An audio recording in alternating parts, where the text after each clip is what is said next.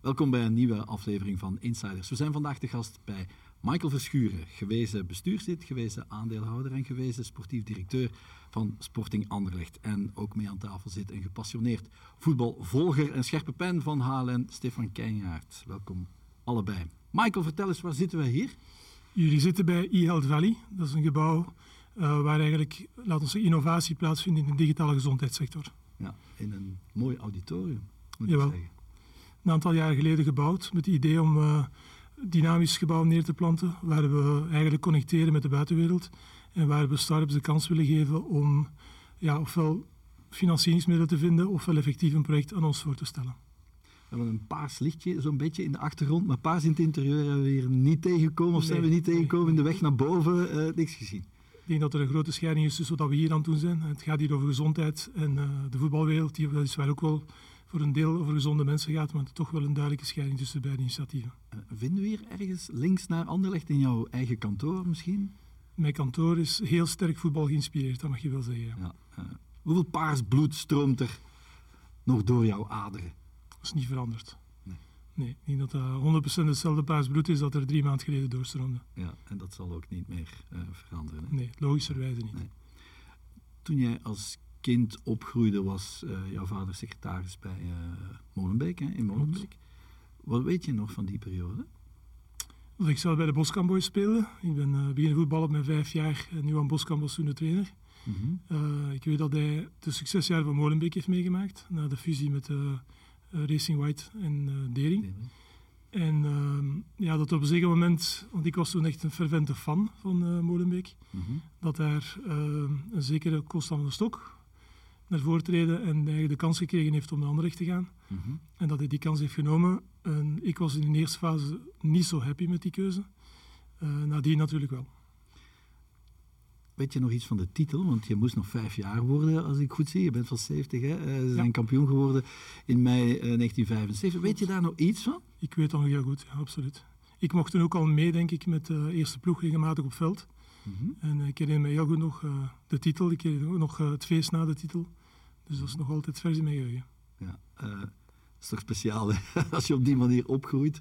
Toch, Stefan? Nou, mij is altijd verteld, als je, als je fan bent van één club, dan ben je fan voor de rest van je leven. Uh, en Michael is dan ook binnen de eigen stad van, uh, van club veranderd. Uh, de, fan, de fan Stefan wordt gevormd tussen de zeven en de negen jaar naar het schijnt. Ja, dus ik heb nog mijn joker in te zetten hier. Okay. Dus ik ben veranderd van club, ja. ja. En je vader is in, in 80 dan inderdaad naar Anderlecht gegaan. Was je dan meteen al supporter voor Anderlecht? En Ja. was, dat, was dat moeilijk uh, als je een manneke van tien uh, bent om die klik inderdaad te maken? Uh, ik denk dat het zelfs iets vroeger was. Ik was nog jonger dan tien jaar. Ik ben dan begonnen met de voetballen op Anderlecht. Voordat ik op internaat was in Gent. Mhm. En dan de wedstrijden op Anderlecht beleefd. Ja, dan op een zeker moment ben je aan het twijfelen. Je verliest een beetje de, de feeling met jouw oude collega-spelers. Je gaat een beetje meer overweg met de, de spelers van Anderlecht zelf. En dat is dan natuurlijk gekomen. Ja. Ging je nog wel eens naar RWDM kijken ook? Ik denk niet dat ik nadien nog naar, naar Molenbeek gaan kijken ben. Nee, nooit nee. mee. Jawel, als ze tegen Anderlecht gespeeld Ja, ja, hebben en oké, voorrondes, maar maar niet, niet, eh, meer in die periode. Nee. Nee. De jaren tachtig waren natuurlijk grote successen. Hè? Hoe heb je dat dan als, als opgroeiende tiener beleefd? Uh, uh, Anderlecht op dat moment, Lozano, Verkouderen, Chifo, uh, Olsen. ja, we kennen de namen allemaal De natuurlijk. gouden jaren, denk Ja. ik, van Anderlecht. Ik heb dat beleefd heel actief. Uh, ik zat op internaat en omdat wij veel Europese voetbalwedstrijden hadden, mochten we mee. Op woensdag mochten we het internaat verlaten, vaak met een bus. Mhm. Dus dan was ik ook aanwezig tijdens de wedstrijden. Iets op iets later leeftijd werkte in de keuken van uh, Saint-Guidon. En mocht ik ook mee om uh, ja, laten we zeggen, te koken voor die spelers of te helpen in de keuken. Dus ik heb dat wel van heel kort beleefd. Uh, zowel de verplaatsing in Europees als de, dat we in het voorseizoen als we in het buitenland een aantal stages deden. Ja. En, en tot wanneer heb je dan gevoetbald voor Anderlecht zelf? Ik heb maar heel kort voor Anderlecht gevoetbald, want mijn vader heeft beslist op uh, 12-jarige leeftijd om mij op internaat te steken in Gent. En dat was voor mij onmiddellijk gedaan. Dat was zo mogelijk te combineren. Mhm. En dan train ik af en toe nog bij Agent en speel ik in Grimbergen. En hoe Dus- lang heb je dan nog op Ik ben gestopt op mijn 17. Dus uh, ik heb nooit een, een ambitie gehad om een goede voetballer te worden. Nee? Nee. om een goede voetballer te worden zelfs. Nee, ik was een goede voetballer, maar niet op niveau van, uh, van Niet anderen. om, om nationaal Nee, of... uh, nee. nee. Um, met welke speler van toen, in de jaren tachtig, uh, als jonge tiener, dweepte jij? Ja, gewoon Lozano, denk ik. Is- ik zou er ook op gegokt hebben, denk ik natuurlijk. Het is niet zo moeilijk, eh, of het is geen straf, denk ik, om eh, met hem te Nee, absoluut. Maar Nee. Michael is altijd, je hebt het altijd voor technische voetballers gehad. Hè? Ja. Ik herinner mij ook als sportief directeur dat je toch in de eerste plaats naar, naar dat soort profielen keek. Klopt. Dus wat dat betreft zat je op de juiste plaats. In de juiste club. Ja, klopt. En, eh, vandaag is voetbal natuurlijk veel fysieker geworden. Eh, ook veel meer, denk ik, volgens bepaalde play, playstyles en systemen. Maar ik hou nog altijd wel van de klassieke nummer 10. Klopt. Ja, Lozano is eh, niet meteen nog eh, opgedoken. Heb je later bijvoorbeeld, op latere leeftijd, met, met iemand als Lozano, die niet echt in de belangstelling of in de publiciteit komt, in de openbaarheid komt, nog wel eens contact gehad? Nee, nee, gewoon heb ik bijna geen contact meer. Eh, we hebben nog eens een link gehad eh, na het overlijden van mijn vader. Maar uh, met Juan zelf niet meer, nee. Maar ik heb wel nog contacten met andere spelers uit het verleden. Mhm. Waaronder Morten Olsen. Olsen. Mhm. Natuurlijk ook met uh, Frank Arnezen, nietwaar? Ja, ja. Uh, redelijk intensief mee samengewerkt uh, tijdens een korte periode. Ja. Wat is voor jou het beste Anderlecht dat je zelf aan het werk hebt gezien? Goh, uh, ik denk toch wel... Die ploeg toen? Ik weet het niet. Ik vond ook wel de periode van uh, Kolder en Radzinski vond ik wel heel spectaculair. En die ploeg ook wel. Maar moeilijk te vergelijken. Het was, elke, elk decennium wordt er anders voetbal, denk ik. Uh, wat mij vooral opviel was dat Anderlecht de laatste jaren, of laatste decennium, wel moeilijkheden had na de vorming van uh, de Champions League. En het bos van arrest om, uh, om echt, laten we zeggen, aan de, aan de top van Europa nog te kunnen raken. Ja. Hoe keek je eigenlijk naar de rol van jouw vader toen, vanaf 80, 81? Uh, en, en, hoe die zich ook on, ontwikkelde. Uh, altijd voorop in de strijd, bovenop de barricades. Hmm. Altijd voor zijn club natuurlijk. Dat is het karakter van het beestje zeker. Hè? Uh, iemand die altijd opkwam voor uh, één job, één vrouw, één familie, één club. En hij heeft daar denk ik ja, zijn leven voor gegeven. Ja. Op het moment dat hij op Anderlecht toegekomen is, heeft hij daarvan een, een, een, levenswerk gemaakt. En dat is begonnen met ja, plannen rond het stadion, Mhm. mm -hmm. moderniseren van de voetbalstructuur. En hij heeft denk ik ja, van dag één alles voor gedaan. Heb je het er ooit wel eens moeilijk mee gehad? Dat hij ook wel eens uh, kritiek kreeg voor bepaalde uitspraken of voor een bepaalde houding die hij had? Heb je daar zelf wel eens moeilijk mee gehad, dat je ermee geconfronteerd werd of zo? Veel mee, moet ik eerlijk zeggen. Uh, ik sta niet achter die uitspraken, dat weet hem. Maar hij doet wat hij wil, ik doe wat ik wil. Dus uh, op dat punt viel dat wel reuze mee. Dus je hebt, je daar kunnen, je hebt dat kunnen scheiden, die twee ja. dingen? Ja. Maar hij zag daar ook zelf niet echt van af, hè? Hij nam verantwoordelijkheid voor, Ja. wat, dat hij, voor wat dat hij zei. Uh -huh. Ja, er En- zijn en- toch momenten geweest waar het niet zo makkelijk was. Ja, dat toonde hij dan niet, Als hè? ze mij Johan Boskamp toen vertelde over die stakers, dan eh, heeft hij toch wel lastig gehad. Ehm, maar nog andere uitspraken waar achteraf toch zei, het is misbegrepen, maar dat ik wel zag aan hem van, oké, eh, dit was misschien te ver. Ehm, Heb jij je vader ooit emotioneel gezien? ja, maar meer op het einde van zijn leven. Oké. Eigenlijk op het moment dat hij de job miste, dat hij voelde van, oké, dit is de beste tijd in zijn ogen was voorbij, dan heb je dat wel gezien, ja. Ja. Maar eh, tijdens de jaren dat hij op de barricades van Anderlecht stond, nooit. Nee, nooit, wij ook niet nooit, als journalisten. Nee. nooit. nee, maar ik herinner me wel dat, uh, dat je me altijd mocht bellen. Op 31 december uh, en bellen uh, om half vijf. Michel, we hebben eigenlijk nog een quote nodig voor dit. Kom maar af, jong. Tuurlijk. Altijd beschikbaar. Hoe anders was Michael als uh, sportief directeur, uh, vind jij, uh, in vergelijking met Michel? Michel ging altijd in de aanval. Ik had de indruk dat, dat, dat jij altijd iets meer beredeneerd was. Dat je, dat je altijd drie keer nadacht vooraleer dat je, dat je iets zei. Michel in de aanval Mich- in de zin van als beste verdediging ook op het moment. Ja, moeilijk. absoluut. Ja, wat, wat, wat ik daarnet ook zei, als hij, als hij voelde dat hij in het nauw gedreven was, dan ging hij, dan ging hij, dan ging hij in de aanval. Dan, dan, dan gaf hij jou van, van Gaf hij weerwerk en dan gaf hij antwoord. Ik heb de indruk dat jij dan even tot tien telde om goed na te denken, wat is nu de beste strategie? Ja, het grote verschil is denk ik dat mijn vader gesterkt was door de resultaten en door eh, de hoogconjunctuur van de club. En eh, ik in een situatie binnengekomen ben waar de club helemaal niet goed aan toe was. En dan, dan kan je wel op een zeker moment zeggen van ik ga mij verdedigen ehm, op een, een aanvallende wijze, op een agressieve manier. Maar ja, de resultaten volgden niet. En op een zeker moment moet je proberen van te consolideren om, uh, laten we zeggen, de vrede in het huis te houden. En dat is denk ik de strategie geweest. Je had dat krediet van de opgebouwde successen van zoveel jaren niet. Ja, ik, Of minder? Ja, ja, Ik vind dat kon er normaal, eh, makkelijk op terugvallen. dat is Jij ook kon- normaal, denk ik. Ik, bedoel, ik heb die ook niet verdiend, hè, voor alle Nee. duidelijkheid. Het is Nee. omdat je er zoon van bent dat je meer krediet mag hebben als iemand anders. Integendeel. Dus eh, ik had alleen te maken met een instituut die het moeilijk deed, die moeilijk had. We hebben geprobeerd om te innoveren. Ehm, op een bepaald moment was de media het niet mee eens. Dat is een kat en kat noemen. Dus we hebben een bepaalde structuur eh, in het leven geroepen waar, waar men veel bedenking bij had. Mhm. En eh, alle respect daarvoor. Dus dat maakt dat je in een, situatie terechtkomt waar je en, eh laten we zeggen, bewezen methodieken binnen het voetbalgebeuren op zijn kop aan het zetten bent en dan de resultaten niet volgen. En dan maakt dat dat niet zo'n eenvoudige periode was om zich- mij tegen te verdedigen. Dus ja, ik heb dat dan eigenlijk wel ondergaan, denk ik, voor een deel. In welke mate was jouw vader voor jou toch het rolmodel? in zijn tijd. Ik denk dat eh, het rolmodel was. Hij heeft de professionalisering van het voetbal meegemaakt. Hij kende alles. Ehm, ik denk de manier waarop Michel Verschuren gewerkt heeft vandaag niet meer zou kunnen. Ehm, Wat niet wil zeggen dat hij zeker niet een sterke figuur zou zijn, ook vandaag in het voetbal, maar op een andere manier. Je hebt gezien hoe het moet, maar ook hoe het niet moet op sommige vlakken. Bij hem.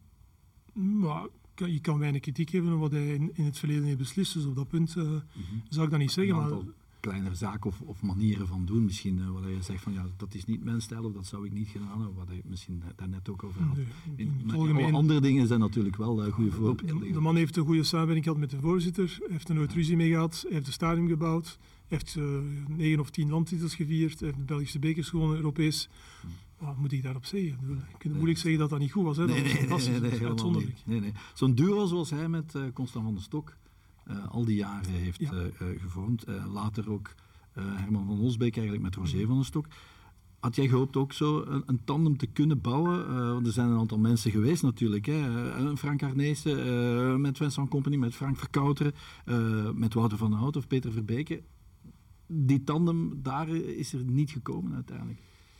Maar er is een tandem die lang gewerkt heeft. Dat is denk ik de tandem van eh, Vincent Manhart en eh, Bart Vragen. Dus ik denk dat je op een of andere manier wel moet gesterkt zijn, ofwel door de sterke raad van bestuur, ofwel door de voorzitter van de club. En dan kan je als manager wel werken, denk ik. Dus ehm, ja, door omstandigheden is dat in ons geval op dat moment niet gelukt, wat vandaag wel het geval is, voor al duidelijkheid. Ik denk dat we vandaag in een structuur zitten binnen Anderlecht waarbij de sportdirectie sterk gedragen wordt door en de raad van bestuur en de voorzitter. Eh, in mijn tijd was dat niet. Deels heeft dat te maken met de financiële resultaten en deels te maken met de sportieve resultaten. Eh, natuurlijk droom je wel als eh, opkomend manager om daar hopelijk snel verandering in te brengen en om een soort van werkmethode te definiëren of te vinden die iedereen kan consolideren en tevreden stellen. En dat is niet gelukt in mijn geval. Ja, Peter Verbeke is terug bij Anderlecht een rol bij de jeugdwerking. Goede zaak. Ja, ik, ik, ik heb met Peter in C nooit een ruzie gehad. Hè. Dus we hebben met Peter, eh, ik ben beginnen samenwerken met Peter. Hij was toen hoofd van de scouting. Is dan opgeschoven naar eh, het sportieve luik, de volledige sportieve dimensie. Ehm, dan was ik al weg op het moment dat hij een naar CEO-rol heeft opgeëist. Ehm, ik kan weinig verkeerd zeggen. Ik denk dat Peter wel gekend staat voor iemand die heel veel voetbalvisie heeft. Heeft dat ook, denk ik, in, eh, zowel in Brugge als in Gent bewezen. En nu is het aan hem om, om ja, denk ik, de lijnen uit te zetten van een niet zo makkelijke job. Want eh, de Academie van Anderlecht is een, eh, een, eh, denk ik, een paradepaardje nog steeds. Heeft ook bewezen in de laatste jaren dat dat hetgene was dat Anderlecht heeft rechtgehouden. Dus de challenging job. Ik wens hem daar veel succes mee. Met de lacune die er is als Jean, iemand als Jean Kindermans vertrekt, is het niet onlogisch dat, dat Anderlecht probeert om, om iemand als Peter van Breken daar in die rol terug aan boord te nemen. Ook belangrijker en belangrijker. Hè. Je gaat op een gegeven moment ga je niet meer met de budgetten kunnen wedijveren van de, van de grote landen. Dus je gaat denk ik meer en meer eh, afhankelijk zijn van, van jeugddoorstroming en eh, van een goede structuur in je jeugdacademie. Dus als je daar iemand als eh, Peter Verbeek binnenhaalt, die, die, die ook de, boven, de bovenbouw kent, dan denk ik dat je daar, eh, dat je daar goed zit. hè. En het is zoals dat Michael zegt, hij heeft een duidelijke visie. En daar begint alles bij. eh. Heb je Vincent Company gefeliciteerd met de 5-0 overwinning van Burnley tegen Sheffield? Dat Werd heb een dit hè? weekend niet gedaan, nee. nee, nee. Je dacht, ik laat hem even gerust. Want, eh, Ik heb er niet aan gedacht, maar ik vond het wel leuk voor hem. Ehm, De challenges zijn natuurlijk nog groot voor hem, denk ik. Ehm, het wordt een moeilijk seizoen, maar ik wens hem het beste. En, ja, als, als van hem afhangt, afhangt, zal het wel lukken, want eh, hij, hij steekt er enorm veel energie en tijd in. Hij heeft ook een uitgesproken visie, voor alle duidelijkheid. Ook iemand die echt wel weet waar hij, waar hij naartoe wil. En ik hoop voor hem dat het lukt. is dat voor jezelf toch de grootste realisatie geweest dat je hem eh, destijds uh, naar Anderlecht hebt kunnen, kunnen halen? In, oké, eerst nog die dubbele rol een beetje. Eerst als speler uiteraard. Eerst en vooral, het is niet alleen mijn, uh, mijn, nee, nee, mijn maar... werk, vooral duidelijkheid. Denk dat Mark Koeken daar ja, een grote rol in gespeeld heeft. Mm -hmm. um, ja, ik was heel tevreden dat, dat Vincent het project heeft willen ondersteunen. Uh, wetende dat het niet zo makkelijk ging zijn, want we hadden ook op dat moment niet echt uh, de grote middelen om, uh, om daarvan een succes te maken. En ik ben heel tevreden dat hij een aantal jaren op onze club heeft gewerkt. Wat is de volgende stap, denk je, voor hem? Succesvol zijn met een Premier League club en dan de top. Logische stap, Stefan, jij kent Vincent, of jij volgt het ook daar ja, ik, ik, ik, Je zit bij Burnley natuurlijk, oké. Okay. Met permissie, maar ik zou willen vragen aan Michael of dat hij eigenlijk de, de, de komst van Company bij Anderlecht, is dat nu een succes geweest? Als je daar nu op, terug, als je daar nu op terugkijkt, als je ziet, hij is redelijk snel vertrokken. Uh, daarna is een soort van, van resultaatcultuur gekomen. Uh, dus ik vraag me eigenlijk af, wat is de erfenis van, van... Het is zoals dat Peter zegt, jij hebt ervoor gezorgd dat hij kwam naar Anderlecht. Mm -hmm. Dus ik zou willen vragen aan jou, wat is vandaag, in retrospectie, voor jou de erfenis van Vincent Company op Anderlecht? Ik vind dat daar heel weinig van overblijft. Uh, heeft een aantal jaren geweest, dus ik denk dat hij veel gedaan is voor de jeugd. Dat er uh, een duidelijke doorstroming was van, van, van een aantal talentvolle jongeren die de kans kregen om met de eerste ploeg mee te trainen en effectief uh, de eerste ploeg te spelen. Ja, Vincent is onverwacht vertrokken, denk ik. Ik denk, als je kijkt naar de resultaten, dat het van, van minder goed naar beter naar realistisch en correct was. En dan was er maar de vraag, en dat weet niemand, ja, wat zou er gebeurd zijn, moet Vincent nog een jaar langer gebleven zijn? Uh, dat is niet het geval. Nu, we wisten dat Vincent kwam met een, een, een aantal mensen, een aantal specialisten die hij rond hem en dat die allemaal vertrokken zijn. Dus in welke mate dat hij de krijtlijnen heeft uitgeschreven voor een deel van wat er vandaag in DDP aanwezig is, is mij een vraagteken. Ik weet dat we er in de tijd wel heel veel tijd in gestoken hebben om de playstyle en, en bepaalde manieren van werken voor, rond de scouting te definiëren. En Peter was er ook bij betrokken toen. In welke mate dat vandaag nog aanwezig is, dat moet je aan de huidige sportdirectie vragen. Had de bekerzegen er iets kunnen aan veranderen? Excuseer? Had de bekerwinst er iets aan kunnen veranderen? Dat weet ik niet. Daar, daar, kan ik weinig op zeggen. Ik, ik, weet het niet. ik denk dat het vroeg of laat zou gebotst hebben. Maar het had langer kunnen of mogen Het had duren. waarschijnlijk iets, iets langer geduurd, ja, klopt. Uh, maar ik denk dat, dat de karakters en de, de visies van, uh, van Vincent en, en, en, het management toen, met Wouter van den Hout op kop, dat dat te veel verschilde. Dus ik denk niet dat die twee een lang leven beschoren was. Je hebt straks al even gezegd uh, wat vind, van de huidige structuur bij Anderlecht met Wouter als niet-uitvoerend voorzitter en daaronder twee CEO's, uh, um, Jasper Fredberg en Kenneth Bornau. Mm -hmm. Dat is goed, vind je? Dat ja, ik denk dat dat een model is dat in vele clubs werkt, dus uh, daar sta ik wel achter, ja. ja. Is de club stilaan definitief uit het financieel moeras, denk je? Denk het wel. En waarop baseer je dat? Op, tijd, op, op, het geld dat hij er zelf heeft ingestoken nee, jaren nee, nee, heeft er ni niks mee te maken. Ik denk dat voornamelijk... Uh, ja, het gaat over het feit dat we een hele goede mercator achter de rug hebben. Dat we, ja. dat we toch wel hopelijk dit jaar uitzicht hebben op Europees voetbal. En dat, uh, dat er nog wel een, een degelijke groep van talent aanwezig is. Dus ik denk, die combinatie maakt dat uh, het makkelijker is dan nu dan vier jaar geleden. Contracten van de lange, de lange termijn contracten van de spelers die niet speelden zijn ook afgelopen. Dus ik maak me sterk dat het nu veel makkelijker zal zijn. Ja. Een doorverkooppercentage op iemand als Doku, dat is natuurlijk Klopt. ook handig, dat soort dingen. Maar ook soms op andere spelers waar je het niet meer van, van verwacht, hè, waar je inderdaad nog wat bonus van, van trekt. En als je dan een Bart Verbrugge voor uh, dat soort bedragen ja. kan, kan verkopen. Um, en Anderlecht staat ook weer wat beter in de hoofden, denk ik, van iedereen internationaal. Klopt. Ja. En dat verhoogt automatisch de marktwaarde van speler X en Y. Het belangrijkste is natuurlijk dat je deelneemt aan de Europese competitie. En uh, dan volgt de rest zelf. Ik denk dat het nu belangrijk is om uh, en volgend jaar erbij te gaan. gebeuren. Jesper Fredberg en Brian Riemer, ja, de Danish Connection. Het ja. lijkt wel te werken, blijkbaar, op dit moment. Had ja, jij ver, eerlijk, had, had, had, jij verwacht dat, dat uh, Anderlecht nu al daar bovenaan in de rangschikking zouden kunnen gezet. Want vorig jaar 11e, je kan dat wel zeggen, ik hoor het Riemer ook nog zeggen, volgend jaar moeten we absoluut uh, play-off 1 spelen, maar ze staan tweede. Ze doen... Ja, klopt. Wouter had gezegd top 4. Ja. Dus uh, ik denk dat niemand verwachtte dat het zo, goed, allee, dat het zo vlot zou gaan. Daarom. Uh, dus ja, ik ben er heel blij voor.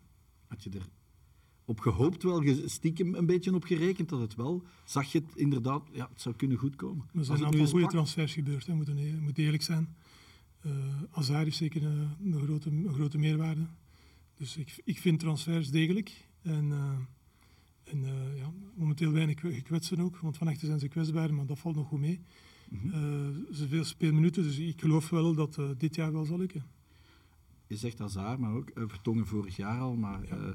uh, Dolberg, uh, Delaney, Rits. Absoluut. Het zijn een beetje, een beetje een gok geweest toch, om dat soort mensen... Maar het lijkt aan te slaan. Het blijkt dat, dat je in de Belgische competitie een heel stuk kunt opschieten. met ervaring, met métier, met persoonlijkheid, met leiderschap.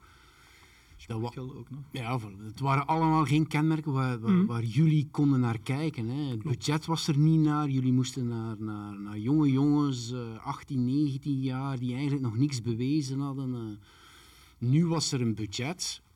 En, en, en, ja, maar het is wel goed besteed. Hè. Absoluut. Ja. Nee, bedoel, ik, is... ik ben ook Vincent Company gaan halen, dus niet dat we geen budget hadden. Dus ik vind, uh, het, het hangt goed samen. En er zijn nog altijd een aantal jongere spelers ook die, die volgens mij op termijn meewerken kunnen realiseren. Dus ik, ik vind het vandaag heel degelijk. En die ervaring maakt wel dat we die wedstrijd niet meer verliezen, waar we bij Vincent soms toch wel op het einde van de wedstrijd, de laatste vijf of tien minuten, nog uh, punten laten vallen. Dit gebeurt momenteel niet. En dat is denk ik de grote meerwaarde van uh, de samenstelling van de kern. Ja, in elke lijn staat er nu ook genoeg brains en ervaring op het, uh, op het veld. Metier, zoals jij zegt. Ja. En dan kan je dus een bal buiten schoppen die je anders in de ploeg wil houden en verliest. Ja, dat is ook zo. Van iedereen die jij toen hebt gehaald, is er eigenlijk niemand meer, als ik me niet vergis? Of ja, misschien wel doorgegroeid toen al. Uh, Amuzu, Sardella, die waren wel uh, aan het komen. Maar hoe jammer... Ja, ja, inderdaad, die was er toen. Maar hoe jammer vind je dat dat met x aantal spelers niet is gelukt en geen langer leven is Dat overstijgt ook mezelf. Hè. Allee, ja, ja. Niemand als sportdirecteur kan zeggen, ja, mijn spelers doen niet meer mee. Uh, het einde van de rit is gewoon dat je prijs moet pakken. Dus uh, als Anderlecht beter draait, ben ik ook een gelukkige man. Hè. Mm -hmm. Maar er is ook geen enkele sportieve die, die 100 op 100 haalt natuurlijk met zijn transfers. Hè. Dat is ook zo. Nee, nee, dat is, je moet ook, ik vind dat het proces individueel moeten gaan maken. Uh, het moet zo zijn dat de club moet blijven zoeken naar de oplossing om terug aan de top mee te draaien. En dat is momenteel toch gevonden, denken we. Dus mm -hmm. ik ben blij. Hoe belangrijk is voor jou de style of play? Je zegt het zelf, je hebt daar heel veel uren in gestoken met Vincent. Company was iemand die eerst de style of play wou installeren en dan komt de rest. Mm -hmm. Nu zit je toch, vind ik, ja, allez, het, is al een beetje, het is al een beetje gebeterd. Je moet ergens beginnen natuurlijk. Ja, ik, ik, maar hoe belangrijk is dat voor jou? Als jij naar Anderlecht kijkt, vind jij, en dat is een, dat is een discussie die wel leeft, vind jij dat anno 2023, straks 2024, dat Anderlecht nog altijd moet voetballen volgens het DNA? Of mag je daarin een stuk het moet herkenbaar zijn, dat is mijn visie ja. erover. Ik bedoel, uh, als je praat over Barcelona, dan weet dat er een bepaalde manier van voetballen wordt, uh, wordt, wordt gepresenteerd. Ik vind Anderlecht op een of andere manier niet een, een, een club moet zijn die lange ballen speelt en die uh, resultaatvoetbal op de mat hoort. En ik vind dat het beter is dan het begin van het seizoen. En als we op die elan verder gaan, dan, dan vind ik het een goede combinatie, een goede mix tussen resultaatvoetbal enerzijds en toch spektakel aan de andere kant. Dus uh, ik ben wel, denk ik, vandaag tevreden van dat we ze zien krijgen. En de supporters ook trouwens. Ja. Op uitzondering misschien een paar wedstrijden waar je van kan zeggen, ja, dit was niet goed. begin van het seizoen. begin van het seizoen was niet goed, ja. ja. Onder René Weiler werd Anderlecht wel kampioen, maar toen was het voetbal toch minder dan nu. Ja, het is, het is beter nu dan toen, toch? Dat vind ik ook. Als je ziet zo, hoe de Anderlecht begonnen is vrijdag op Westerlo, zo begon Wilder niet aan nee. wedstrijden op nee. Beveren en op, nee. en op Lierse. Zelfs, zelfs daar uh, ja, ja, ging hij achteroverleunen. Dus Riemer is inderdaad een stuk opgeschoven. Ja. Uh, terwijl in het begin van het seizoen had ik toch ook uh, sterk Ja, de eerste wedstrijd was, uh, was al niet goed. Nadien is het al in een betere, in een betere lijn geëvolueerd. Dus, en natuurlijk, als je in de winning mood zit, dan gaat het ook veel makkelijker. Hè? Maar ik denk toch dat zijn roots toch in de eerste plaats in dat resultaatgerichte voetbal. Als je ziet, ze gaan naar Gent Daar heeft hij de bus geparkeerd, hè, een paar weken geleden. Eh, dat zou Company nooit gedaan hebben. Dus ik denk dat diep binnenin, when the going gets tough, dat Riemer toch Mhm. uiteindelijk eieren voor zijn geld eh, gaat kiezen. eh. Ja, maar wie gaat het hem verwijten als je het einde van de rit prijzen pakt? Je begint de competitie met één doelstellingen. De beste zijn. En dat vertaalt zich in doelpunten maken en eh, één meer als de tegenstrever. Dus. Maar zo sprak Company, eh, Michael. Nee, nee, maar goed, ik ben ook compagnie. Ik, bedoel, ik stond enorm achter de visie van de man. Ik vind ook dat hij veel meer gedaan heeft dan alleen wat je op dat veld gezien hebt. Dus dat moeten we niet onderkennen. Maar eh, ik blijf ook wel... Allee, dat is denk ik de, de wet van de sterkste. Degene die wint, die, blijft, eh, die heeft het voor het zeggen. Simpel. Je gaat nog eh, kijken uiteraard naar eh, jouw club. Hè. Kijk je Ja. nu anders naar een wedstrijd dan vier, vijf jaar geleden? De eerste weken nadien misschien omdat je... Ja, je ziet die spelers daar voetballen dat je eigenlijk twee weken voordien nog in de vestiaire en nu mag je daar niet meer bij of nu moet je daar afstand van nemen. Maar ik blijf eh, nog altijd naar anderen kijken met één bedoeling. Dat is eh De doelpuntje meer maken en winnen. Hè. Ja. Dat is de bedoeling. Als een supporter. Gewoon. Ja. En nu kan je ook gewoon weer supporter zijn. Dat is misschien ook een soort van. Ben ik ook altijd geweest. Ja, ja, maar ik bedoel, nu, nu mag je gewoon al- alleen supporter zijn zonder. eh, jij wordt niet meer ter verantwoording eh, eh, geroepen als. Gelukkig, ja. Dat Dat is zou ik zijn als dat is hier een klein beetje. Nee, nee, nee, toch niet. Nee. Nee. Ehm, je bent in september na 13 jaar eh, uit de raad van bestuur eh, gestapt. Ehm, dan wordt er toch een soort navelstreng doorgeknipt. Beetje. Ja. Hoe moeilijk was dat? Dat is een, eh, een heel rationele keuze geweest. Wel overwogen vanwege de professionele opportuniteit of de realiteit die er was. Die zei, ja, je kan straks in die functie in, het inter- in een internationale organisatie, ons voetbal, die, die, eh, Mhm. dan moet je onafhankelijk zijn. Klopt. Ja. Dus eh, wat ik deels op het einde van, van, eh, van laten we zeggen, samenwerking met Anderlecht vooral deed, was het Europese. Meer gaan bewerkstelligen of gaan verdedigen voor de Europese clubs en voor de Belgische clubs voornamelijk en voor de club. En ik was nog actief op de bond. Ja. En omstandigheden hebben ertoe geleid dat ik niet meer herverkiesbaar was om die functie verder te doen bij de European Club Association. Eh, moest ik een keuze maken, oké, ik laat dat vallen en ik blijf bij Anderlecht waar mijn rol uitgevlakt, was, voor alle duidelijkheid. Of ik neem de opportuniteit om in die organisatie de rol nog verder uit te bouwen, die ik de aantal jaren heb, heb opgenomen. En ik zag die opportuniteit wel zitten. Ja. Het is geen nieuwe rol, maar je zegt uitbouwen. Eh, Ja. je, staat, je bent voorzitter of je zit de, de financiële afdeling eh, van eh, de ECA voor. Mhm. Zo is het. Ja. En wat houdt die rol dan precies allemaal in? Die is heel breed. Eh, belangrijk, het meest gekende project is de Financial Fair Play, de Financial Sustainability, waar we nog niet werkt. Stefan is misschien een betere uitdrukking, maar. Goed, eh, dus dat is een deel van het verhaal. We proberen een aantal regels te definiëren waarbinnen de clubs moeten, moeten, moeten functioneren om ergens een soort van ja, evenwichtig landschap te creëren. En ik, ik treed u wel voor een deel toe dat dat niet helemaal werkt. Aan de andere kant, ehm, je hebt te maken met allerlei clubs van allerlei landen, grote landen, kleine landen. En je moet de consensus vinden tussen die verschillende visies en je moet dat proberen te consolideren. Dat is niet altijd gemakkelijk. Dus dat is één deel van het verhaal. Een tweede luik is denk ik het hele eh, het financiële dat bij komt, ki- komt kijken bij de distributie van de centen. Het financiële dat komt kijken bij commercialisering van, het, van, de, van de Champions League en de Europa League en de Conference League. Dus er is heel veel financieel management dat te maken heeft met eh, het Europees voetbal in het algemeen.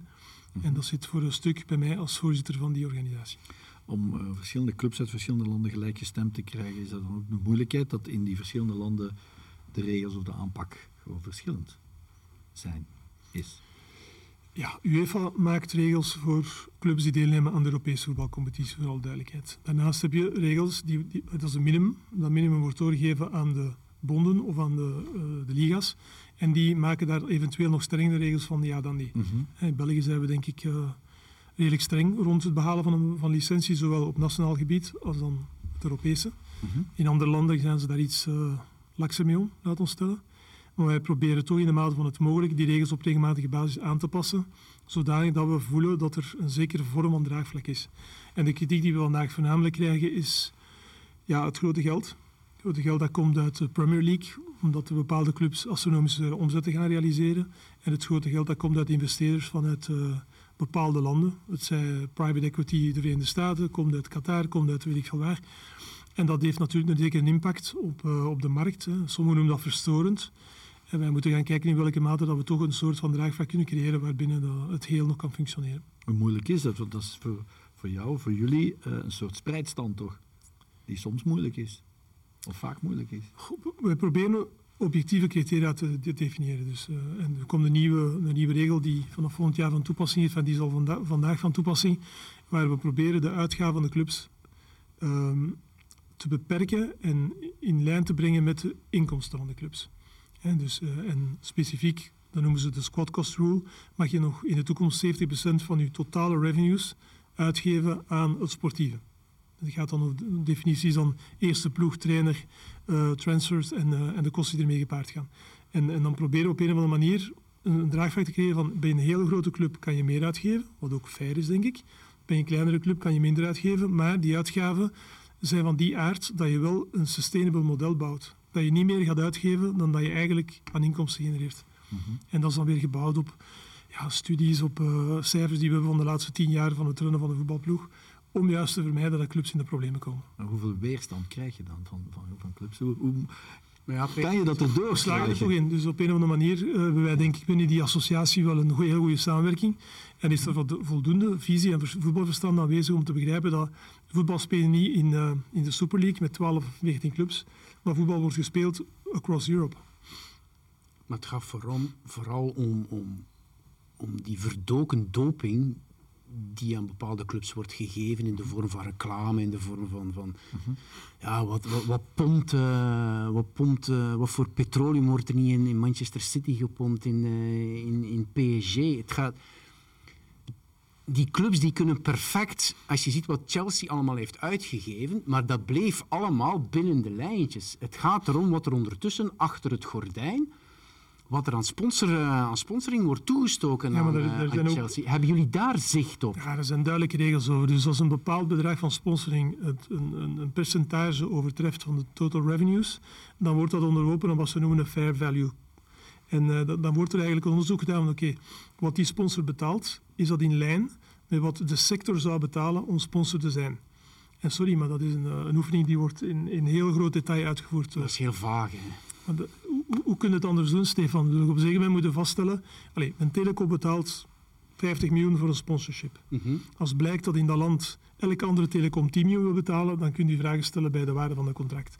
Als een telecom 50 miljoen betaalt, maar de concurrentie wil er 51 voor betalen, en dan heb ik het voorbeeld van totaal ander draagvlak, maar Mastercard, die nog altijd elk jaar meer betaalt voor de Champions League, dat is toch wel omdat dat een fair value is, dat naar de, naar de waarde van dat bedrijf vertaald wordt, oké, dit is meerwaarde voor mij als bedrijf. En dat is een beetje wat mensen moeten over nadenken. Van, wij, wij, zijn niet dom. Wij proberen die zaken ook op een geëikte manier na te kijken. Wij, wij die, die worden onderworpen aan een aantal controles. En zolang dat die controles laten blijken dat die sponsoren effectief op een correcte manier aan die club uh, willen verbonden zijn, ja, dan, dan is dat de market. Dan is dat zo. Als morgen een club een miljard omzet draait en die moeten spelen tegen een club die 80 miljoen omzet draait, ja, dan moet u de vraag stellen, is dat fair of is dat niet fair? Als de markt in, in Engeland tien keer zo groot is als die in België, ja, dan kun je kwaad zijn. Of dan kunnen zeggen, we gaan consolideren, we maken de Belgische markt groter. Mm. Maar je kan moeilijk kwaad zijn tegen iemand die groeit binnen een perspectief waar de, het draagvlak en waar de, de hele economische omstandigheden rond voetbal groter zijn. Mm.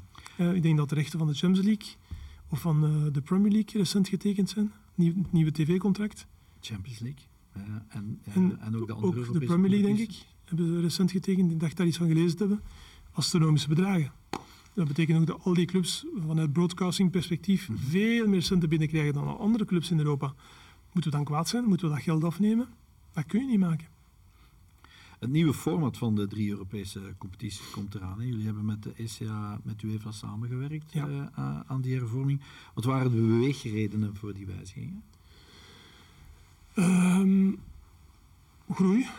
Ik denk dat enerzijds door het feit dat we die nieuwe format hebben gedefinieerd, zijn er meer wedstrijddagen, zowel bij de Champions League of de Europa League. In plaats van te spelen in uh, groepen van vier, waar er zes wedstrijdmomenten hebben we er nu acht. En als er play-offs bij komen, tien wedstrijddagen. Dus meer wedstrijddagen, meer commerciële mogelijkheden, meer wat ze noemen primetime. Je kan dus meer geld gaan ophalen bij de sponsors, dat is één aspect.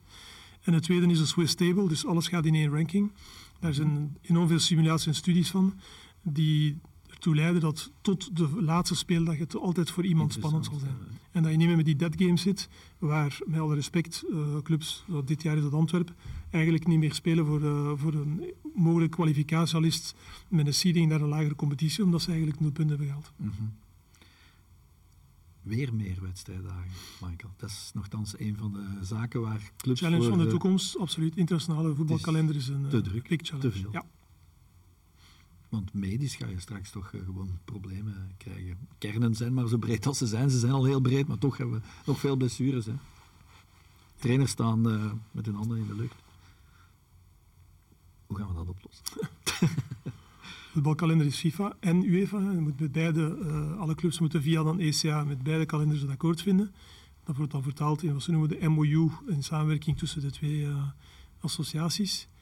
Dat is een, uh, een, discussiepunt waar tot op heden nog steeds een akkoord is gevonden. Maar als er als er wedstrijden bij komen en dan Europese competities, of het Europese kampioenschap en het wereldkampioenschap erbij komt, soms nog verschoven wordt door omstandigheden, dan maakt dat we daar toch eens moeten over nadenken hoe dat we dat allemaal nog gezond kunnen houden. En, maar ja, ik ben niet degene die in, uh, binnen die organisatie daar veel over te vertellen maar heeft. Is men zich daar bewust van, Michael? Natuurlijk, ja. Ja. ja. Men is daarmee bezig. Mm -hmm. Want het idee bestaat dat, dat, ja, dat die instanties dat die eigenlijk doofstom blijven voor... voor... Nee, die zijn niet doofstom, maar je, je moet... Ja. Het is kruisbandletsel na kruisbandletsel. Hè? En het zijn, het zijn, grote managers die stilaan uh, persconferenties ja. gebruiken om echt in te gaan tegen uh, UEFA en FIFA. Dat, er moet toch op een gegeven moment gezegd worden, stop, nu gaan we echt beslissingen nemen. Mm -hmm. En voel je dat dat nakende is, dat punt? Wel, uh, de MOU wordt onderschreven voor een bepaalde periode. Nu zijn er akkoorden gemaakt voor de komende twee of drie jaar, denk ik. Dus ja, dat zal dan toch iets zijn dat we nu in de cyclus die nu komt moeten onderhandelen voor... voor willen we dat draaglijk maken binnen twee of binnen drie jaar? Ja. De hervormingen van de Champions League bijvoorbeeld, uh, is daarmee het gevaar uh, tijdelijk, al, al dan niet tijdelijk, geweken dat een exclusief clubje zich toch nog afscheidt en, en, en, en zegt van hm, we gaan toch die Super League oprichten? Ik hoop het. Want dat is ook wel een beetje de bedoeling toch van de hervormingen, deels. Uh, ja, groei betekent dat je meer middelen kan vergaren, dus die grotere clubs hebben meer kosten, dus vanuit die optiek vullen ze een deel van dat verhaal in. Anderzijds, je maakt een competitie die spannender zal zijn, volgens ons, wat ook wel uh, een factor is. En je hebt dan uh, FIFA met zijn World Cup of Clubs, die om de twee jaar een toernooi organiseert, dat meer internationaal karakter heeft. En ik denk dat die mix of die cocktail samen leidt tot consolidatie of tot een akkoord bij die grote clubs om te zeggen, oké, okay, binnen dit landschap willen wij verder. Mhm. Op uitzondering van, we kennen ze alle twee of drie, uh, de Real Madrid en de Juventus van deze wereld. Hoe zie jij de toekomst van de Belgische clubs in, uh, Belgische clubs in die nieuwe België doet het zeer goed. Zo en dat wij uh, deel kunnen nemen binnen de context van, laten we zeggen, tussen de zesde plaats en de achtste plaats, gaat er wat ons betreft weinig veranderen, denk ik. Je gaat veel clubs hebben die deelnemen. Dat betekent dat het degelijke kwaliteit is. Kwaliteitsvolle wedstrijden, meer talent. Uh, je gaat meer jong talent ook kunnen aantrekken uit Europa. Mm -hmm. En dat maakt dat die hele spiraal eigenlijk positief gaat evolueren. Dus ik denk dat we op die basis wel goed bezig zijn. De perceptie van, uh, richting Conference League is toch ook wel een beetje verbeterd. Dankzij wie, Peter? Uh, José Mourinho. Iedereen keek heel argwanend en Ja, maar dat was ook zo... Tot Mourinho hmm. sprong en jubelde en, en 50.000 mensen van Roma meenam naar de finale. En huilde dat hij de Conference League had gewonnen. En toen, vanaf toen is, is, is men de Conference League beginnen, beginnen serieus Niet meer het zieke broertje. Ja, de grote Mourinho die, die, die de Conference League naar waarde Ja, maar dat, ik herinner me ook bij de, bij de lancering van de Europa League was het hetzelfde, dezelfde discussie. Uh, de competitie is niet veel geld waard. Die is dan beginnen opwaarderen door Hm. deelname aan kwaliteitsvolle teams. Dat krijg je nu vandaag met de Europa League ook. Uh, met ja, de Conference League ook. Wij spreken, die bestaat nog maar een paar jaar. Ik herinner mij nog altijd dat uh, bij Jij de kreeg start... veel kritiek. Liefst? Jij kreeg veel kritiek, Michael. Natuurlijk, ja. ik weet nog dat Michel destijds Michel eh, Louagie, eh, echt zei van dat is een competitie van Lilliputters en eh, daar heeft een Belg aan deelgenomen om zoiets goed te keuren. Vandaag stel je wel vast dat die competitie van Lilliputters één, ervoor zorgt dat je genoeg punten kan vergaren om uh, binnen de landencoëfficiënt nog altijd bij de top uh, 8 te zijn. En twee, meer en meer zie je toch wel, inclusief Anderlecht vorig jaar, wel de ambitie heeft om daar heel ver in te geraken en uh, die misschien ooit is te winnen. Dus ja, ik vond dat toch wel geen verkeerd initiatief. Nee. Maar ik denk dat de Belgische clubs op termijn wel ambitieus moeten kunnen zijn om in de Europa League iets te betekenen. Ja. naast de Conference League. Champions League, dat wordt een ander verhaal. We hebben het over uh, de drukke kalender voor, uh, voor spelers en voor ploegen. Hoe is het met jouw drukke kalender, Michael? Uh, al die functies, je bent, de komende twee dagen ga je in Kopenhagen zitten voor, voor mm. ECA. Ja. je bent als ondernemer betrokken bij x aantal bedrijven. hoe ga jij om met die drukte, met de stress? Stress, dan manage je het toch zelf. Hè? Dat is een kwestie van, van op te staan en te kijken of dat je je job en de evenwicht rond die job zwaargewichtig vindt of niet. Uh, bij mij is mijn week altijd dezelfde. Die begint de maandag en die stopt de zaterdag in de loop van de namiddag. Want meestal om drie uur om te gaan tennissen. En, uh, Waak je genoeg over je eigen gezondheid? Maar ik heb een gezondheidscentrum geopend op de gelijkvloers. Dus uh, ik monitor dat De waakhond is vlakbij, ja. Ik ja. monitor regelmatig, ja. Ja. Dus voorlopig valt dat nog wel mee. Het is niet altijd gemakkelijk. Hè. Er zijn moeilijke jaren en makkelijke jaren in het ondernemerschap. de moeilijke jaren zijn als je moeilijke jaren van klassiek ondernemen combineert met frictie in de sport of uh, mm -hmm. change in de sport. Uh, maar voorlopig uh, sla ik toch nog wel in om die zaken, denk ik, degelijk rond te werken. En hij, hij neemt vakantie, in tegenstelling tot zijn vader. Ik neem vakantie, absoluut, drie keer per jaar. Zal, ja. Vincent Mannaert stopt straks bij Club Brugge. verrast je dat? Ehm, je kent Vincent redelijk goed? Ik ken Vincent redelijk goed. We hebben nu niet, niet in verticaliteit over zijn, zijn job bij Brugge gesproken. Uh, verwondert mij dat uh, op termijn had ik dat wel verwacht dat Vincent iets anders zou doen. Ik dacht eerder wel dat de club misschien, uh, of dat Club Brugge zou verkocht worden en dat Vincent op dat moment uh, zou beslissen om, om de exit te forceren of te stoppen. Mm -hmm. dat dat nu gebeurt heeft mij persoonlijk verwonderd, maar ik ken de insights totaal niet van de club, dus ik weet niet wat er speelt. Nou, op een bepaald moment kan de goesting ook gewoon op zijn. Hè? Absoluut. Ja. En dan moet je gaan waken over uh, je mentale en je fysieke gezondheid, toch? Maar bij jou uh, merk ik, zit dat allemaal nog uh, goed in evenwicht op dit moment. Jullie kijk naar mij, ik weet het niet. Voorlopig valt dat nog goed mee. Ja. Maar ik heb een goede humor, hè, dus ik kan, ik kan nog heel veel relativeren. Ja. Het enige dat ik vanuit Anderlecht wel geleerd heb, dat is dat het is nooit zo slecht als dat, of nooit zo zwart als dat, als dat eruit ziet. Daarmee bedoel ik, ik heb zelf heel lang naar heel veel mensen gepromotor geweest van verandering. Je moet openstaan voor verandering. Als dingen morgen moeilijker en complexer zullen zijn omdat ze digitaliseren, dan moet je daarvoor openstaan. Mm -hmm. Dan kun je zelf in je eigen carrière moeilijk kwaad zijn op het feit dat dingen veranderen. En als ze dan geforceerd veranderd zijn of dat je zelf deel van uitmaakt, maakt niet uit. En zo sta ik in het leven. Als morgen anders... frustraties, Michael? Zijn er dingen waar dat je... Die had ik, maar nu niet meer. Nee. Nu niet meer, maar nee. die had je, nu niet meer. Ik was kwaad omdat uh, je werk is niet af. En het, was echt niet af. Het seizoen was midden van het seizoen. Ik had dingen voorbereid die ik dan niet uh, kunnen neerleggen heb. Of kunnen, ik heb geen bijdrage kunnen leveren tot bepaalde dingen. En ik heb geen goede resultaten kunnen neerleggen. Dus natuurlijk, als ondernemer of als, als iemand die uh, zijn job met hart en nieren doet, zijn er niet tevreden van de resultaten. En Vind je dat je genoeg tijd hebt gekregen? Dat vond ik toen niet. Maar nogmaals, het is wat het is. Ik heb wel vooral op zeker moment een stap achteruit gezet. Mede dankzij het feit dat ik ja, nog met andere dingen bezig ben en die weer opgebouwd heb. Want toen was het wel, heb ik heel veel gedelegeerd, wat ik eigenlijk operationeel enkel nog Anderlecht, waar ik mee bezig was. Heb ik uh, de kans gekregen om met een aantal van mijn businesspartners en met mijn echtgenoten te spreken. Mm -hmm. En te zeggen, ja, wat moet ik dat hier nu mee doen? Ik ben niet blij. Maar moet, moet ik kwaad zijn? Moet ik, uh, moet ik in een aanval gaan? En dan heeft ze gezegd, van, zet u een keer een stap achteruit, pak een spiegel. Vond het, vond het dat je het zelf goed deed. Uh, wat zou het anders gedaan hebben? We moesten nu weten wat je nu weet. En, en, en bied allee, bouw u een perspectief naar de toekomst toe. Mm -hmm. En dan heeft dat een beetje zijn tijd nodig gehad. Maar ik heb vandaag, denk ik, een invulling van mijn leven die uh, mij heel gelukkig maakt. Ja. Zie, je zelf nog, zie je jezelf nog op een dag uh, een rol opnemen bij Anderlecht? Mm, in de huidige context is dat, denk ik, een, een overbodige vraag. De club is, denk ik, structureel veranderd. ze hebben, denk ik mensen aan boord gehaald die daar niet zijn voor morgen te vertrekken, voor te mm -hmm. beginnen. En als de club dan nog eens aan mij zou vragen, dan denk ik dat dat wel op een andere manier moet gebeuren. en dan is ook maar de vraag, ben ik de juiste man om in die functie iets te gaan doen? Moet het dan sportief zijn of moet het commercieel zijn? Mm -hmm. dat, is, dat, is, voor mij ook een vraagteken, maar ik ben nu met een aantal van mijn bedrijven, probeer, probeer ik te groeien en ik ben tevreden met wat ik aan het doen ben, omdat ik ook nu die, die, zou ik het zeggen, die brug heb kunnen leggen naar Europa. Ik ben nog met voetbal bezig. Mm -hmm. Ik heb nog uh, heel veel voetbalkennis rond mij en dat pleziert mij wel. En zodat ik binnen die rol kan functioneren, ben ik gelukkig. Iets wat je toch ook zal plezieren, denk ik dan? Brussel boven wel, hè? Ja. Union doet het zeer goed, Anderlecht is bij Molenbeek en, en, en Molenbeek, ja, Molenbeek hangt. ja. grapje. Nee, maar Molenbeek doet uiteindelijk behoorlijk goed mee. Hè? Ehm, drie Brusselse clubs op die manier. Dat zal je toch plezier. Natuurlijk. Ja, ja. Ik ben vooral onder de indruk van Union, moet ik eerlijk zeggen. Ja, Omdat die eh, ja, jaar op jaar een ploeg bouwen. Hè. Eh, telkens opnieuw met vijf, zes, zeven vertrekkers. eh, er heel, op letterlijk een paar maanden een team neerplanten die, die, die, die het goed doen. Telkens ook een trainer hebben die het goed doet. Ik ben sterk onder de indruk van de voetbalkennis die daar aanwezig is. Een voorbeeld voor Anderlecht. Zou Anderlecht moeten challengen, moeten triggeren, moeten prikkelen. Toch? Ja, dat is ook zo. En dat is aan het gebeuren nu. Hè? Als het, zie jij het misschien een tweestrijd worden voor de titel tussen die twee? Dat zou mooi zijn. Hè? Eh, dat we met Union voor de titel kunnen gaan. Nu het is vroeg in het seizoen, dat weet iedereen.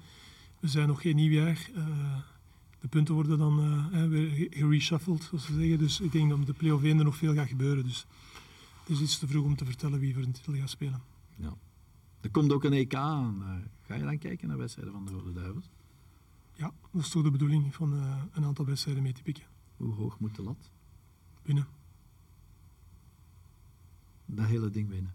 Dat, ja, dat is de bedoeling, hè, dat hele ding winnen. Ik denk, wat, wat iedereen verwonderd heeft, is dat de gouden generatie was op zijn einde aan het lopen. Mhm. En als je ziet hoeveel talent dat er vandaag naar boven gekomen is en hoeveel van die jongeren op topniveau meedraaien, dan stel ik mij echt de vraag, is het moment nu niet, want we hebben die gouden generatie gehad, we hebben er niks mee gewonnen. Misschien is het nu wel eens het moment dat met die, ja, met die, die, die freshness en, eh, en, en met dat talent, dat er wel iets gewonnen wordt. Daaraan zie je, Peter, dat een moven is. Daaraan zie je dat hij opgegroeid is in, in, in dat bad van, van de beste willen Winnen. zijn, van winnen, van, van niet, niet bescheiden, hoe noemen ze dat, niet eh, vals bescheiden zijn. Mhm. Dat is meteen het, daaraan zie je aan dat antwoord dat, dat Michael Verschuren ja, van Anderlecht is. Mhm. eh. Wat mooi is. Ja, maar ik, ik meen dat ook. Eh, Ja, maar dat weet ik. Ik Ja, dat weet misschien ik. eh, zes maanden geleden, als de disco begon en eh, dat ze nog niet veel bewezen hadden, en waar heel veel vragen waren, want ja, gaat dat wel lukken?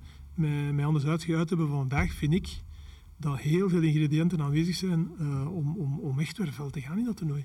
En ik meen dat uit de grond van mijn hart. Michael, kort nog, want we, zitten, we zijn door onze tijd ongeveer. Twee keer Anderlecht Standaard binnen vier dagen. Wat een feest zondag. deze week. Ga je op tijd terug zijn? eh, Ja, ja, ja. ik heb eh, de terugvlucht kunnen vervroegen om op tijd terug te zijn. Ja. Wat verwacht je van die wedstrijd? Moeilijk, twee moeilijke wedstrijden. Standaard draait momenteel niet goed. Wij wel, maar nog, dat blijft een klassico. En een klassico is onvoorspelbaar. En ik Dat verwacht, bleek in de, eh, van de, tijdens de wedstrijd op natuurlijk ook nog eens. en ik verwacht eh, donderdag bovenal een moeilijke wedstrijd. Omdat dat voor Standaard wel eens eh, een hele belangrijke match zal zijn om te winnen. Dus ik verwacht eh, een scherpe wedstrijd. eh, een deels positief weliswaar, maar agressief. Dus het zal niet gemakkelijk zijn. Ik herinner mij nog, je hebt voor opstandaar ben je voor het vak van Anderlecht gaan staan. Hè? Ja. En dat je, enfin, ik mag dat nu wel Toen het buiten- dat we s'nachts elkaar hoorden en dat, eh, dat er mensen eh, in de straat voor. Ja, voor ze je hadden mij gebeld dat ze er stonden, maar ik ben er naartoe gereden, ze waren er niet meer. Ah, dus dat viel toen wedstrijd mee. die stopgezet Opstandaar, is, die stopgezet op is. Daar ging 55. Michael voor het. Ja, ja. en, eh, ja. Maar ja, eh, Wacht, eh, op standaard is het altijd moeilijk geweest voor Anderlecht. Nu, nu uitzonderlijk hebben we de- dit jaar wel goed gedaan, maar ik vind, ehm, en goed gedaan zonder het juiste resultaat, vooral duidelijkheid, maar wij zijn in standaard in mijn periode heel regelmatig afgemaakt. Heel vroeg in de wedstrijd. En dan, als er een inschakeling was van zoveel slechte seizoenen, ja, dan is dat daar een plof toen. Als de supporters eh, het voldoende vonden. Michael, dank voor je tijd. Veel plezier, eh, zou ik zeggen. Zowel donderdag als zondag eh, wensen we je het beste toe. En doe het uiteraard nog goed in, de- voor de ECA. En probeer voor iedereen goed te doen, zou ik zeggen. Ook voor het Belgisch Dat is eh, de bedoeling, dankjewel. Dank je wel voor je tijd. Dank je wel ook, eh, Stefan. En dank voor uw aandacht. Graag tot een volgende Insiders.